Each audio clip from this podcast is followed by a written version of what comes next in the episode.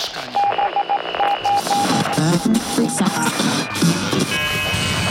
Odsłuch społeczny. Witam w kolejnym odcinku Odsłuchu Społecznego. Przy mikrofonie Sławek Cygler. Moim gościem jest dziś pan Adam Rajewski, specjalista do spraw energetyki, pracownik naukowy Politechniki Warszawskiej i współautor jednego z rozdziałów podręcznika Klimatyczne ABC. Rozdziału oczywiście dotyczącego energetyki. Dzień dobry. Dzień dobry. Chciałbym, abyśmy dziś porozmawiali o energetyce, ale o tym jednym dziale, bardzo konkretnym, o energetyce atomowej. I zacznijmy może od tego, co najbardziej rozpala wyobraźnię, szczególnie wyobraźnię przeciwników atomu, czyli o bezpieczeństwo. Czy to są uzasadnione obawy? Jeżeli chodzi o e, bezpieczeństwo przyszłej, między, e, miejmy nadzieję, polskiej elektrowni jądrowej, raczej nie. Oczywiście wszyscy mamy gdzieś stworzone i utrwalone w popkulturze, no ale też w pamięci historycznej zdarzenia mm, z Czarnobyla, z Fukushimy.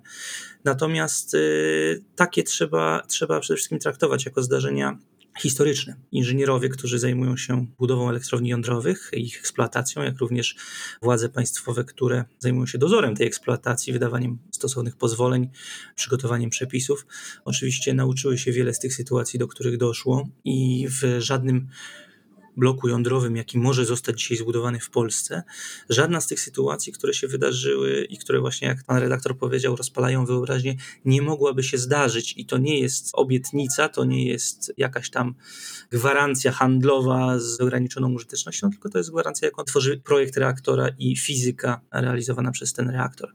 Natomiast y, być może jeszcze bardziej istotne jest to, że y, mimo wszystko rozmawiamy o zdarzeniach absolutnie jednostkowych. Trzeba pamiętać o tym, że Oczywiście ludzkość nie robi niczego w sposób absolutnie idealny, bezawaryjny i tak dalej. Natomiast w historii cywilnej energetyki jądrowej mówimy o naprawdę pojedynczych zdarzeniach o charakterze awaryjnym, z których e, istotny wpływ na zdrowie, życie ludzi bezpośrednio w wyniku tej awarii zaistniał raz w konstrukcji radzieckiego reaktora. Takich reaktorów już y, ostatnie jeszcze są w Rosji, ale już y, zmodyfikowane.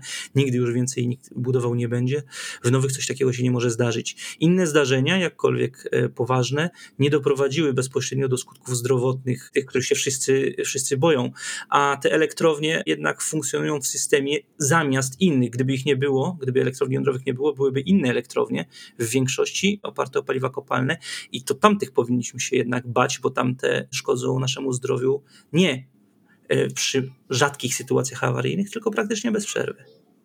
No właśnie, bo zdaje się, że w Fukushimie ofiary były jakby związane z jakąś nieprawidłową ewakuacją, a nie ze samym zdarzeniem, które tam miało miejsce, prawda?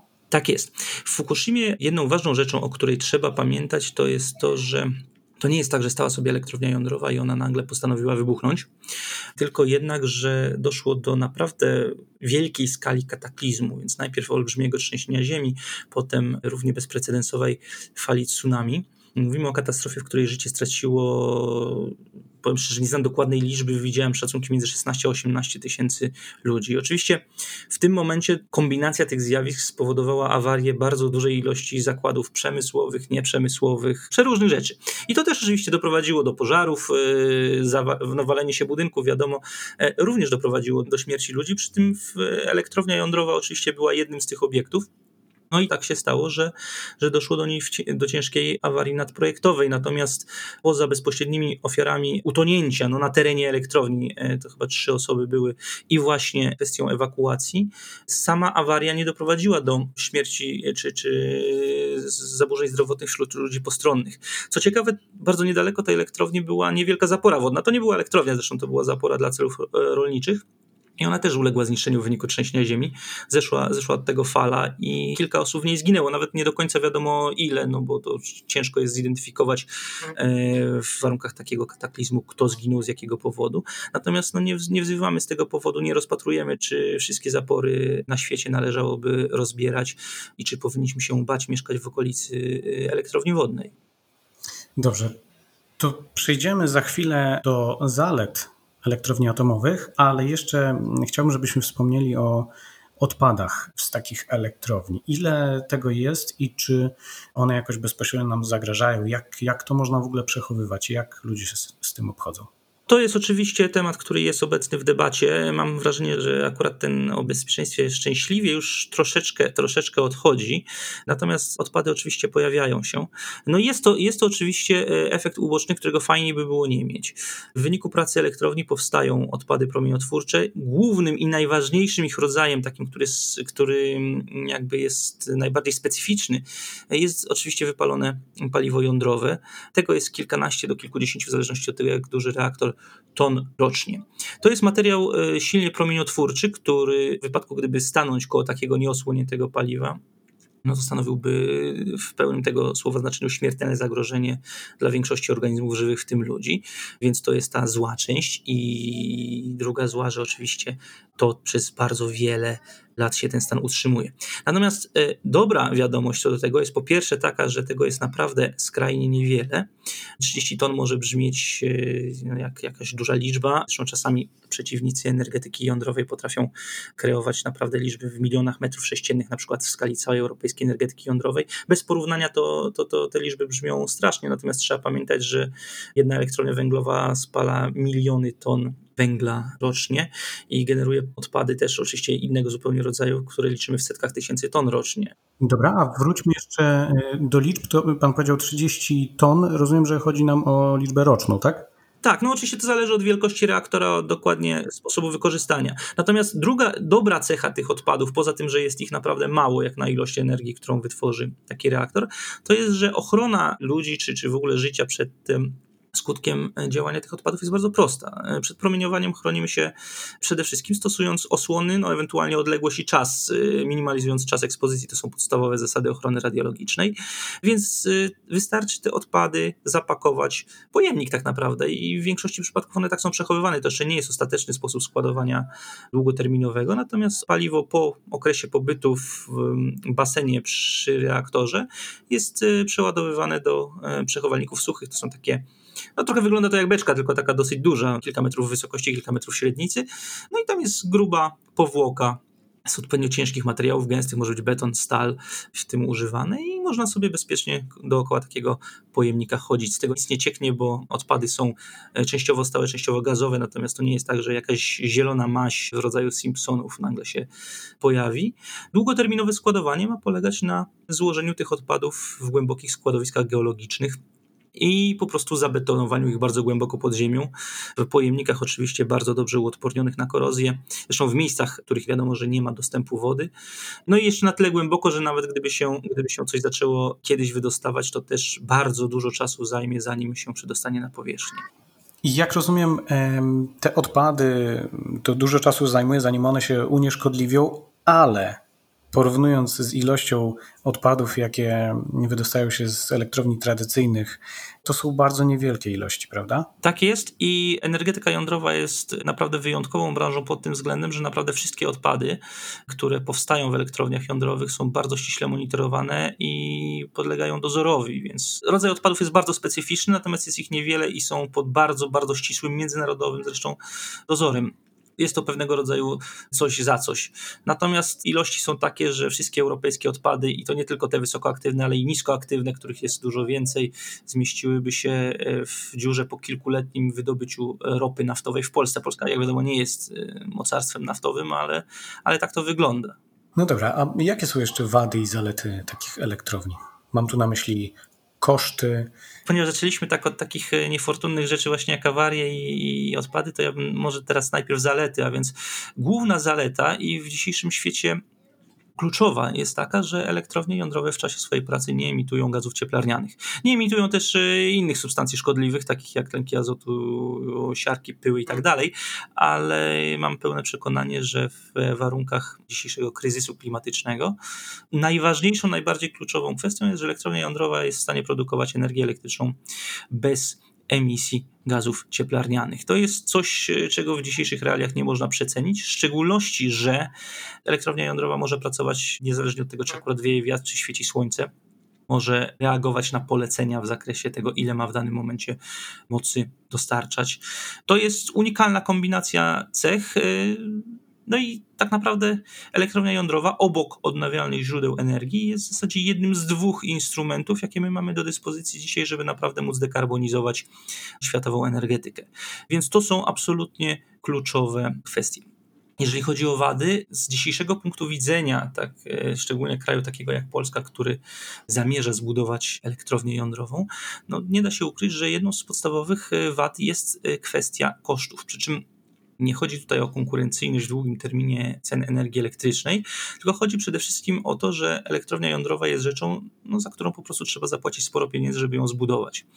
Taka jest struktura kosztów w elektrowni jądrowej, że większość kosztów wszystkich jest związana z jej samą budową, potem koszty paliwa i bieżące koszty eksploatacji to jest typowo rzędu około 15% całkowitych kosztów takiego obiektu, natomiast no, postawienie jest dość drogie. Druga rzecz jest taka, że to są obiekty raczej duże, raczej skomplikowane, więc to jest po prostu skomplikowany proces inwestycyjny, na który w moim przekonaniu każdy wysoko rozwinięty kraj może sobie pozwolić, natomiast no, wymaga to określonego przygotowania, określonego budżetu, określonych y, przygotowań także prawno-organizacyjnych. No, nie jest to najprostsza inwestycja w świecie. E, elektrownie jądrowe no też mają pewne ograniczenia w zakresie tego, jak, jak są w stanie elastycznie pracować w systemie energetycznym. To nie jest tak, jak wiele osób myśli, że one muszą pracować absolutnie pod sznurek bez przerwy, chociaż tak się najbardziej opłaca, rzecz jasna.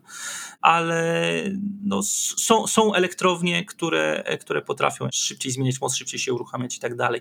To są już jakby być może takie mniej istotne problemy czy, może nie mniej istotne, ale bardziej szczegółowe, już bardziej fachowe, no ale oczywiście też występują. No i jakimś oczywiście wyzwaniem, jeżeli chodzi o elektrownię jądrową, jest kwestia społeczna. Takich w demokratycznym kraju e, nie można przeprowadzić takiego projektu bez e, społecznego przyzwolenia i to jest coś, o co trzeba się zatroszczyć. Inne rodzaje energetyki często takich kontrowersji nie wzbudzają. Natomiast po stronie, e, po stronie e, korzyści e, odnotowałbym też stabilizujący efekt, jaki elektrownie jądrowe mają na zarówno energetykę, jak i gospodarkę.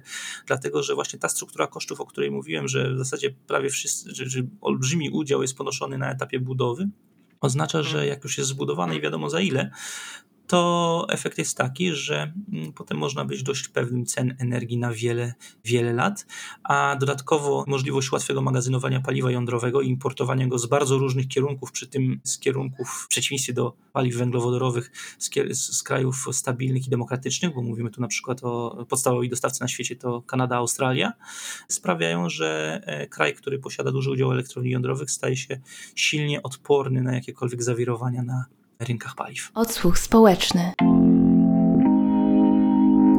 To teraz spróbujmy sobie chociaż może częściowo odpowiedzieć na pytanie. Przy tym wszystkim, co Pan powiedział, jak to jest, że Niemcy od e, energetyki atomowej odchodzą, mając już te pierwsze, największe koszty za sobą, znając zalety elektrowni atomowych, też nie mając jakichś bardzo przestarzałych elektrowni. Po katastrofie w Fukushimie Angela Merkel ogłosiła odejście od atomu i to stopniowo się dzieje. Dlaczego to się dzieje? Powiem szczerze, że e, no tutaj będę się musiał być może wdać w pewne spekulacje, dlatego że nie jest to kwestia stricte techniczna z całą pewnością. Na uzasadnienie tego cofnijmy się w czasie troszkę bardziej niż do Fukushimy. Otóż e, Niemcy w ogóle zachodnie były jedną z potęg, jeżeli chodzi o budowę elektrowni jądrowych. Nie tylko pod tym względem, że po prostu je miały, ale także, także rozwijały te technologie samodzielnie. To, to wynikało jeszcze z bardzo starych decyzji w Stanach Zjednoczonych, związanych z tym, że w latach 60., 70. nastąpił naprawdę pełen transfer technologii jądrowej do szeregu krajów, między innymi Niemiec zachodnich. Więc to nie tylko to, że Amerykanie zbudowali Niemcom elektrownię, ale też przekazali technologię, tak że Niemcy mogli je sami rozwijać. I to się działo. Niemcy budowali elektrownię u siebie, Niemcy eksportowali również do pewnego stopnia technologie jądrowe, natomiast na koniec lat 80. przestali się tym zajmować, podjęli decyzję. Zresztą energetyka jądrowa bardzo straciła na popularności społecznej w Niemczech. No i podjęto decyzję w zasadzie, że na koniec lat 80. już więcej elektrowni jądrowych w Niemczech budować się nie będzie. Przez 10 lat w temacie nie za wiele się działo, natomiast na początku XXI wieku rząd kanclerza Schrödera podjął decyzję o tym, że od energetyki jądrowej będzie się odchodzić w horyzoncie właśnie początku lat 20., czyli mniej więcej tak jak to w tej chwili jest planowane. Z kolei w około roku 2009 wtedy nowy rząd, kanclerz Merkel rozpoczął negocjacje w sprawie zmiany tej decyzji. To nie to, żeby Niemcy od razu chcieli wracać do energetyki jądrowej, ale wynegocjowano pomiędzy operatorami a rządem prawo tych elektrowni do dłuższej eksploatacji, gdzie ostatnie miały wyjść z ruchu nie na początku lat 20., tylko w połowie lat 30. W zamian za to zresztą branża jądrowa zgodziła się na obłożenie elektrowni dodatkowym podatkiem. No i zaraz po tym, jak to porozumienie zostało zawarte i sformalizowane, to zdarzyła się Fukushima i prawie natychmiast powrót do harmonogramu tego jeszcze rządu szrederowskiego. Podatek, nawiasem mówiąc, został. Więc y, no, nie była to decyzja podjęta jakoś szczególnie na gruncie bezpieczeństwa. Pierwsze decyzje podejmowano jeszcze zanim audyty w kwestii bezpieczeństwa zarządzone w całej Unii Europejskiej po Fukushimie się e, tak naprawdę na dobre rozpoczęły, już nie mówiąc o zakończeniu. Dlaczego, dlaczego taką decyzję podjęto? No, Niemcy mają politykę, w której głównym celem jest zwiększanie udziału odnawialnych źródeł energii. Oczywiście jest to robione w imię walki z ociepleniem klimatu i obniżania emisji, ale ja mam wrażenie, że w przypadku Niemiec te akcenty się przesunęły w trochę niefortunną stronę, że celem przestały być emisje, a zaczęły być odnawialne źródła energii same w sobie. Ja nie zamierzam tutaj kwestionować znaczenia odnawialnych źródeł energii jako takich, natomiast sytuacja w Niemczech jest o tyle niefortunna, że po prostu spadek emisji jest wolniejszy niż mógłby być. I teraz można przeprowadzić takie dość proste obliczenie, E, że gdyby w roku 1990 Niemcy z ówczesnym miksem energetycznym, który składał się z węgla, gazu i atomu w zasadzie i niczego więcej, po prostu wyrzuciły z tego miksu węgiel i zastąpiły go gazem ziemnym i nie zamykały ani jednej elektrowni atomowej, to miałyby na dzisiaj z grubsza podobną emisyjność energetyki jak mają. I to mimo tego, że w Niemczech e, naprawdę wykonano olbrzymi postęp i, i olbrzymią pracę i wyłożono olbrzymie pieniądze nad e, integracją odnawialnych źródeł energii i, i ich tam jest naprawdę bardzo dużo. Niemcy są jednym z pionierów w tej dziedzinie, więc można na to spojrzeć w ten sposób, że wyłączając jednocześnie bezemisyjne źródła, a utrzymując cały czas w ruchu do niedawna elektrownie węglowe, po prostu zmarnowali część własnego wysiłku proklimatycznego. Ja do końca nie jestem w stanie tego zrozumieć. Okej, okay, to przejdźmy płynnie w takim razie do sytuacji w Polsce. Może wychodząc od tego aspektu, który poruszył Pan wcześniej, czyli tej strony społecznej i edukacji. Są duże obawy, nie zawsze racjonalne, ale teraz jak to robić, żeby przekonać społeczeństwo i jak możliwie sprawiedliwie wybrać lokalizację dla elektrowni atomowej? Tutaj jestem akurat y, o tyle optymistą, że polskie społeczeństwo już na dzisiaj wydaje się relatywnie nieźle przekonane do technologii jądrowych. Tutaj rozbieżności pomiędzy krajami są bardzo duże i to nawet krajami sąsiadującymi geograficznie. Najlepszy przykład, gdzie zachodzi taka wielka zmiana pomiędzy poparciem a brakiem poparcia dla atomu, to jest chyba granica czesko-austriacka. Austriacy, austriackie społeczeństwo jest i w związku z tym również polityka są skrajnie negatywnie nastawieni, Czesi są nastawieni raczej pozytywnie. No my raczej się, my raczej się tutaj od średniej odróżniamy na plus. To jeszcze może wspomnę o Ukrainie, gdzie mamy 93% poparcia dla atomu. Właśnie to warto też odnieść do, do Czarnobyla. Przecież Czarnobyl jest właśnie na Ukrainie, a mimo, mimo to ukraińscy obywatele rozumieją, że historię tutaj naprawdę można kreślić grubą kreską, natomiast nowoczesne elektrownie jądrowe nie mają z tym nic wspólnego. Jeżeli chodzi o Polskę, no tak jak mówię, poparcie jest niezłe. Oczywiście trzeba nad nim pracować. Wydaje mi się, że no nie ma lepszego sposobu nad e, zwiększaniem poparcia dla energetyki jądrowej niż rzetelny dostęp do wiedzy. Oczywiście musi też występować pełna transparentność po stronie władz, po stronie operatora elektrowni jądrowej zarówno w procesie budowy, jak i w procesie później eksploatacji.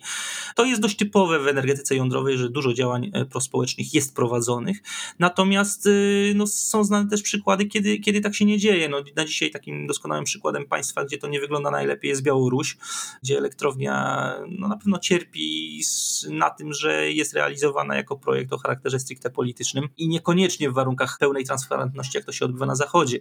No, ale mamy też zupełnie inne paradoksalne przykłady, jak Francja, czyli kraj w pełni atomowy, naprawdę o olbrzymich osiągnięciach w zakresie rozwoju technologii, w którym sondaże wskazują, że spora część obywateli nie zdaje sobie w pełni sprawy, że to są źródła praktycznie bezemisyjne. Więc no tutaj edukacja i transparentność na wszelkich etapach mają kluczowe znaczenie. Natomiast jeżeli chodzi o lokalizację, no oczywiście lokalizacja musi być wybrana z jednej strony, yy, z jednej, no, no, jednym z kluczowych kryteriów jest jednak, żeby to była lokalizacja sensowna z infrastrukturalnego punktu widzenia, więc zarówno tam, gdzie system elektroenergetyczny taką elektrownię jest w stanie, że tak powiem, łyknąć, jak i, no żeby to się w ogóle dało zbudować, bo mówimy o dość specyficznym procesie przy, bardzo ciężkich elementów, dobrze jest, dobrze jest jak jest e, jakaś droga wodna do tego, to się przydaje, nie jest konieczne, ale się przydaje, nad morzem się dobrze buduje i tak dalej. No trzeba, trzeba to jakoś oczywiście połączyć. No w Polsce mieliśmy, mamy przykład zarówno bardzo dobrych działań w tym zakresie, jak i niestety był kiedyś już na szczęście wiele lat temu przykład bardzo złych. Bardzo dobrym jest, wydaje mi się, powrót do tych lokalizacji, e, czy do tej lokalizacji z grubsza, w której miała powstać elektrownia jeszcze ta za PRL-u, czyli do lokalizacji Żarnowiec. No w tej chwili te dwie rozpatrywane dla pierwszej polskiej elektrowni jądrowej lokalizacje, czyli Żarnowiecka i ta druga Lubiatowo-Kopalino, to jest bardzo blisko. To są w zasadzie te rejony, w których ta elektrownia miała powstać. To jest o tyle dobrze, że tam mieszkańcy cały czas pamiętają budowę elektrowni Żarnowców wspominają raczej dobrze, jako moment, kiedy ten rejon się rozwijał. I tam cały czas dominują i widać to w sondażach uczucia, że, że jedyne, co, co ewentualnie irytuje w tej kwestii dużo mieszkańców, to jest to, że ten projekt się tak ciągnie, wlecze i jest ciągle, ciągle odkładany. Więc to naprawdę była bardzo, bardzo chyba trafna decyzja, bo tam ci ludzie już mieli okazję zobaczyć, że realizacja takiej inwestycji to jest naprawdę dobra sprawa dla społeczności lokalnej. Negatywnym przykładem była trzecia lokalizacja, kiedyś zgłoszona już, już bardzo dawno temu, czyli Gąski gdzie mieszkańcy dowiedzieli się o pomyśle, że być może będą rozpatrywani jako lokalizacja elektrowni jądrowej z mediów, bez żadnej wcześniejszej poważnej rozmowy. No tak tego robić nie może. Na szczęście ten pomysł zarzucono. Natomiast w tym kontekście też warto, warto wskazać na inne spekulacje, które pojawiły się niedawno w mediach, wywołane przez jednego z polityków, nawiasem mówiąc, ale tak naprawdę zapisane też wcześniej w dokumentach, tylko, tylko tego nie zauważono. Mianowicie pomysły takie jak budowa drugiej elektrowni jądrowej, bo to najprawdopodobniej by była druga, w lokalizacji, w której dziś znajduje się jedna z dużych polskich elektrowni węglowych. Wymienia się w tym kontekście Bełchatów, nie tylko, ale, ale Bełchatów jest jedną z takich lokalizacji, o których się mówi. I tutaj ze społecznego punktu widzenia to jest o tyle istotne, że no mamy właśnie takie lokalizacje jak Bełchatów, to jest dość unikalny obiekt na skalę Europy, bo to jest olbrzymia elektrownia węglowa, no, którą prędzej czy później trzeba będzie zamknąć. Dla klimatu lepiej prędzej niż później. Ale to z jednej strony łatwo powiedzieć, że musimy to zamknąć, bo szkodzi klimatowi, to jest oczywiście niepodważalne, ale mamy też do czynienia z olbrzymim zakładem przemysłowym, który zatrudnia bardzo wielu ludzi, a nie tylko bezpośrednio generuje miejsca pracy. Miejscu, w którym nie ma mm, jakiegoś olbrzymiego ośrodka miejskiego, więc y, zamknięcie tej elektrowni to potencjalnie, jeżeli zostanie przeprowadzone od tak, może oznaczać katastrofę społeczną w tym rejonie i ekonomiczną. Więc y, wybór lokalizacji, czyli postawienie elektrowni jądrowej w miejscu, w którym wcześniej była y, duża elektrownia węglowa i zaplanowanie tego właśnie tak, żeby jedno zastąpiło drugie, to też może być bardzo dobry czynnik pierwsze rozsądnej polityki państwa, a po drugie budowy poparcia dla budowy takiej elektrowni w konkretnej lokalizacji. Odsłuch społeczny. Intryguje mnie jeszcze jeden aspekt, e, a mianowicie odnawialne źródła energii. Technologia magazynowania energii, pozyskiwania jej ze słońca, wiatru rozwija się, jest coraz bardziej opłacalna i stabilna, więc czy to jest zasadne, że my rozmawiamy o atomie? Szczególnie jeśli Polsce to już zajmuje tyle lat, żeby się przygotować do takiej budowy. Czy nie powinniśmy iść całkowicie w OZE? Na dzisiaj całkowicie w OZE po prostu pójść e, nie jesteśmy w stanie. Jest kilka krajów na świecie, które zasilają się wyłącznie albo prawie wyłącznie odnawialnymi źródłami energii. Najbliżej nas takim krajem jest Norwegia, natomiast no, to są bardzo specyficzne źródła. W większości przypadków oznacza to po prostu dostępność elektrowni wodnych, które są w stanie pracować w sposób taki, jak operator poleci. Oczywiście to też trzeba odpowiednio skorelować z opadami i tak dalej, ale, ale da się to zrobić. Natomiast w realiach polskich główne źródła odnawialne, które rzeczywiście są dostępne, mamy technologię na dziś i można zastosować je do produkcji dużych ilości energii elektrycznej, to są te, które pan redaktor wskazał, czyli źródła wiatrowe i słoneczne. I to są oczywiście technologie, z których należy korzystać. To nie jest tylko, że można, to należy i należy je budować. To nie ulega absolutnie żadnej wątpliwości. Niestety, jak wszystko mają one też wady. No i wady są takie, że po prostu czasami nie wieje i nie świeci, i to nawet w tym samym momencie. I tutaj wchodzi oczywiście kwestia, o której pan redaktor też wspomniał, czyli kwestia magazynowania energii. Koncepcji na to, jak potencjalnie można magazynować duże ilości energii ze źródeł odnawialnych, jest szereg. Niestety na dzisiaj, jako technologie dostępne komercyjnie, takie, które można zacząć budować, nie bardzo mamy. Jedyną technologią dojrzałą technicznie jest technologia tzw. Tak elektrowni szczytowo-pompowych, czyli taka elektrownia wodna, która może też pompować wodę do góry, na dół, do góry y, pompami, jakby zdejmuje nadmiar energii z systemu, a potem, potem ją zrzuca przez turbiny i, i oddaje do systemu. Natomiast no, możliwości lokalizacji takich obiektów są bardzo ograniczone geografią. Plus y, nie są one, ich budowa nie jest szczególnie przyjazna dla środowiska lokalnego, to, to swoją drogą. No tutaj nie mamy wielkiego potencjału, Polska w ogóle jest dość, dość suchym krajem. Natomiast technologie inne, takie jak akumulatory elektrochemiczne, czyli mówiąc potocznym językiem baterie, czy ewentualnie magazynowanie w paliwach syntetycznych, czyli produkcja wodoru, potem zamiana tego wodoru z powrotem na energię elektryczną, czy produkcja syntetycznego metanu. To są rzeczy, które są w tej chwili bardzo intensywnie rozwijane rozwijane i bardzo dobrze, bo znajdą cały szereg zastosowań też tam, gdzie, gdzie innych technologii się nie da zastosować. Na przykład w transporcie będziemy potrzebowali jakichś paliw bezemisyjnych. Natomiast na dzisiaj nie są dostępne ani w takim stopniu zaawansowania technicznego, ani w takiej ilości, żeby rozwiązać problem bezwietrznych, zimnych nocy, kiedy też jest potrzebna energia elektryczna. Więc jeżeli pójdziemy tylko w źródła odnawialne, to w praktyce się to skończy, zresztą tak jak dzisiaj to robią też Niemcy skończy się tym, że do pewnego łapu źródeł odnawialnych dojdziemy i będziemy je bilansować gazem ziemnym, dopóki czegoś lepszego nie uda się skomercjalizować, wymyślić, dopracować do stadium dojrzałości, co może się zdarzyć za kilka lat, może za kilkanaście, a może za kilkadziesiąt, więc jest to pewne ryzyko. Na czas podejmowania tego ryzyka powstaje silne uzależnienie od po pierwsze cały czas paliwa kopalnego, a po drugie jeszcze takiego paliwa kopalnego, które się importuje z dużo mniej fajnych kierunków niż paliwo jądrowe. No więc w tym momencie, jeżeli jesteśmy w stanie jednak do bilansu wprowadzić tak także trochę źródeł jądrowych, to oznacza, że możemy stworzyć miks źródeł odnawialnych jądrowych i też cały czas mimo wszystko będzie potrzebne trochę e, tego gazu ziemnego, ale będzie go mniej. Nastąpi dywersyfikacja i e, ostatecznie, jeżeli zrobimy to konsekwentnie, niższe emisje z całego systemu niż gdybyśmy czekali na przełom w magazynowaniu. Czyli jak rozumiem, trochę tak jak w każdej dziedzinie, warto dywersyfikować, żeby te źródła mogły nam się uzupełniać i równoważyć w razie problemów z jakimś z nich. Tak jest. Natomiast oczywiście jest, jest kluczowa kwestia. Jeżeli my chcemy, żeby atom spełnił funkcje, o których mówię, to my go musimy naprawdę zacząć konsekwentnie, konsekwentnie dojrzeć do jego budowy, bo jest faktem, że budowa elektrowni jądrowej trwa i na uruchomienie pierwszych elektrowni jądrowych trzeba będzie poczekać no, zgodnie z obecnym harmonogramem do roku 2033. I to oczywiście jest trochę czasu, przez który będziemy się opierać jeszcze w sporej mierze o paliwa kopalne. No i, i tutaj naprawdę już nie można tego programu przeciągać. Mówię to w kontekście tego, że przez ostatnie kilka lat niestety szło to czasami bardziej opornie niż musiało. No właśnie, kilka słów e, o tym, jak ta ostatnia, nie wiem, może dekada wyglądała w Polsce, jeśli chodzi o przygotowania. My się zbliżamy tam, czy tylko tak sobie mówimy?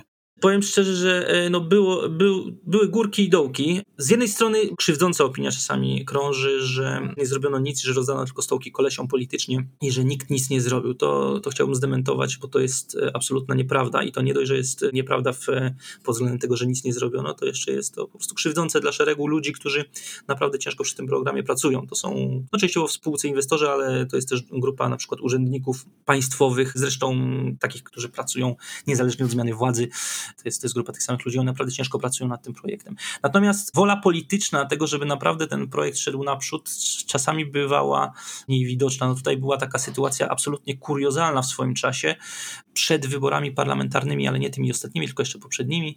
Dokładnie pamiętam jedną konferencję prasową. W ogóle e, historycznie program polskiej energetyki jądrowej w oryginalnym brzmieniu jako uchwała Rady Ministrów został przyjęty przez rząd Donalda Tuska. I przed wyborami, kiedy premierem była już Ewa Kopacz, doszło do takiej konferencji prasowej, na której pod Centrum e, Zdrowia Matki Polki w Łodzi, zresztą na inne tematy, ale została pani premier zapytana o ten temat i ona odpowiedziała na to mniej więcej w ten sposób, że PiS chce budować elektrownie jądrowe, a my już coś tam, coś tam, ale generalnie na zasadzie, że mimo, że obowiązującym dokumentem rządowym był program polskiej energetyki jądrowej, to odpowiedź brzmiała, ale to PiS chce budować. No potem PiS doszedł do władzy, wydawało się w swoim czasie, że to jednak może być taki czynnik spajający, który nie będzie latał z prawa na lewo, co jest też kluczowe w tak długoterminowym projekcie, ale przez pierwsze lata nowej władzy też tego parcia, żeby to bardzo szybko realizować, nie było. Prace jakkolwiek trwały i tak jak mówię, no, wielu ludzi nad tym pracowało, to no, mogłyby trwać na pewno szybciej. Wszystkie terminy, które były zapisane w oryginalnym programie, można było już, już w zasadzie wyrzucić do kosza. Co zresztą zostało stwierdzone niedawno w raporcie z realizacji programu od momentu jego uchwalenia. Natomiast od kilku, kilkunastu już być może miesięcy wydaje mi się, że nastąpiła zmiana i temat naprawdę jest popychany naprzód. No, nastąpiła aktualizacja z zupełnie nowym harmonogramem programu. Widać, widać jakieś działania na froncie negocjacji z potencjalnymi dostawcami, także na poziomie międzyrządowym. Ja powiem tak, ja chcę wierzyć, że to naprawdę w tej chwili już, już pójdzie. Widzę oznaki, że w tej chwili projekt poszedł, został ruszony z miejsca. Jak to będzie dalej, no to ja niestety nie mam kryształowej kuli, więc nie wiem. Tak jak mówię, chciałbym wierzyć. Jest taki obrazek z komiksów Polandbola e, pod hasłem I want to believe i to ja mniej więcej w ten sposób do tego podchodzę. Okej, okay, fajnie, że mamy jakieś światełko nadziei na koniec. E, jeszcze tylko może bardzo króciutko, gdzie nasi słuchacze mogą zasięgnąć więcej informacji rzetelnych na temat e, miksu energetycznego, między innymi atomu? Tak, atom, tak jak, tak jak starałem się już wcześniej powiedzieć, to jest narzędzie. My nie chcemy budować e, elektrowni jądrowej dlatego, że jest fajna, chociaż jest, ja uważam, że jest bardzo fajna. E, no, ja jestem inżynierem, specjalistą od tej dziedziny i muszę powiedzieć, że no, mnie to, jak się mówi, rajcuje. E, ta technologia zawsze się cieszy, jeżeli mogę pojechać do elektrowni jądrowej. No jest to jakieś tam takie zboczenie zawodowe. Natomiast nie dlatego chcemy w Polsce budować elektrownię jądrową, że jest fajna, nie dlatego, że ktoś nam płaci, nie dlatego, że jest wielkie lobby jądrowe, które nie może żyć w sytuacji, w której istnieje osada na mapie Europy pod tytułem Polska, w której nie ma elektrowni atomowej, tylko chcemy zbudować elektrownię atomową w konkretnym celu, a tym celem jest walka ze zmianami klimatu. No mamy taki miks energetyczny niefortunny, jaki mamy.